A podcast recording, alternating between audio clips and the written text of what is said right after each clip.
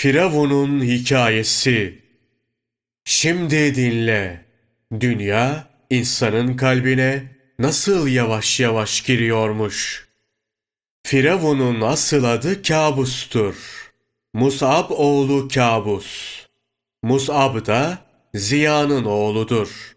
Bu kıssa Araf suresinin tefsirinde geçer.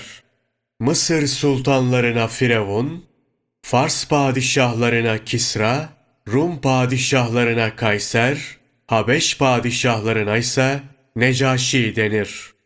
Firavun, pazarda karpuz satan cimri bir Kıpti'ydi.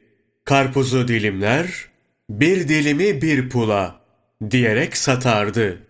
Depolarının hepsini karpuz çekirdeğiyle doldururdu.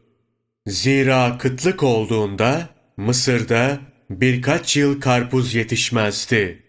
Kabus bundan istifade edip bir kaşık karpuz çekirdeğini bir akçeye satardı. Böylelikle çok mal mülk toplamış, bu mal gibi aşağılık bir sebeple Mısır'a sultan olmuştur. İki cihana ibret olsun diye 400 yıl yaşadı. Büyük bir köşk yaptırmış. Köşküne atla inip çıkarmış. Yokuşu çıkarken atının arka ayakları, yokuş aşağı inerken de ön ayakları uzuyormuş. Bu sebeple ben sizin benden başka ilahınız olduğunu bilmiyorum diyerek övünürmüş.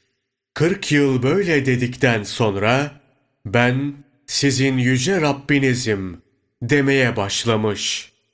Alemlerin Rabbinin kullarına lütuf ve keremi çoktur. O şöyle buyurur. Eğer Firavun, ben sizin yüce Rabbinizim yerine birkaç defa bizim Rabbimiz yücedir deseydi, yüceliğim adına onu affedip cennetime koyardım. İmam Gazali şöyle der. Bütün nefsi emmare sahiplerinde kibir, büyüklenme hissi vardır. Firavun'un farkı bunu açıkça iddia etmesidir. Zahir ilmin alimleri bu meselenin dış yüzünü görüp anlatır. Aslında bu halin kaynağı nefsi emmaredir. Bu yüzden kaynağı kurutmak gerekir.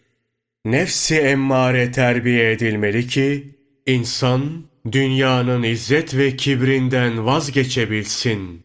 Kibre düşüp büyüklenenlerin yeri cehennemdir. Hak Teala hadisi kutsi'de şöyle buyurur. Büyüklük ve ululuk bana mahsus giyeceklerdir. Kim bunları giymek isterse cehenneme atarım. Firavun kibri yüzünden Musa olabilir ihtimaliyle 72 bin çocuğu katleder.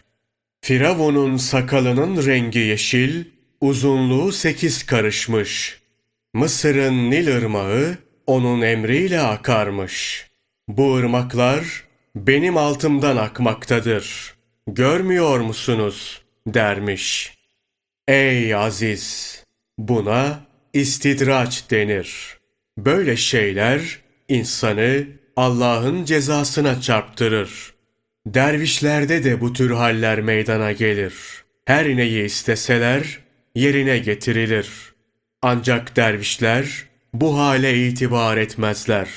Zira bu hallere nefsin karışma ihtimali vardır.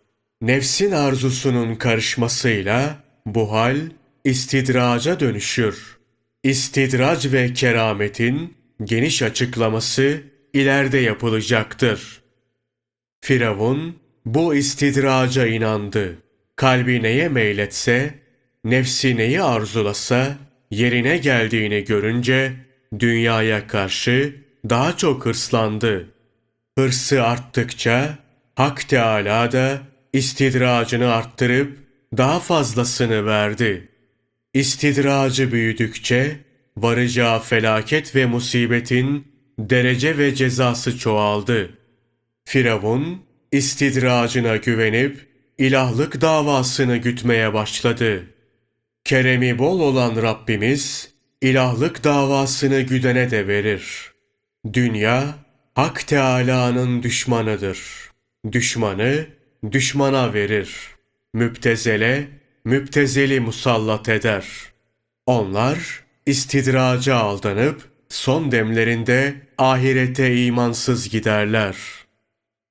Bunları öğrendikten sonra, dünyanın zehirli bir yılan olduğunu bilerek hareket et.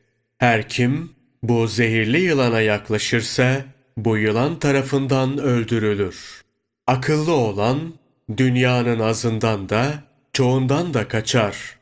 Dünya ile başa çıkmak, zehirli yılanla başa çıkmak gibidir. Koynuna yılan girmiş birinin, zehirlenip zarar görmemesi nadiren mümkün olur. Kişi, yılan oynatıcısı olursa ve pan zehiriyle müdahale ederse, bu mümkündür. Dünya da saldırır. Sevgisinin zehrini gönüllere bırakmak ister. Bu zehrin panzehiri dünyanın mal ve mülkünü fakir fukaraya dağıtmaktır. Dünya sevgisiyle gönlü bir araya getirmemektir.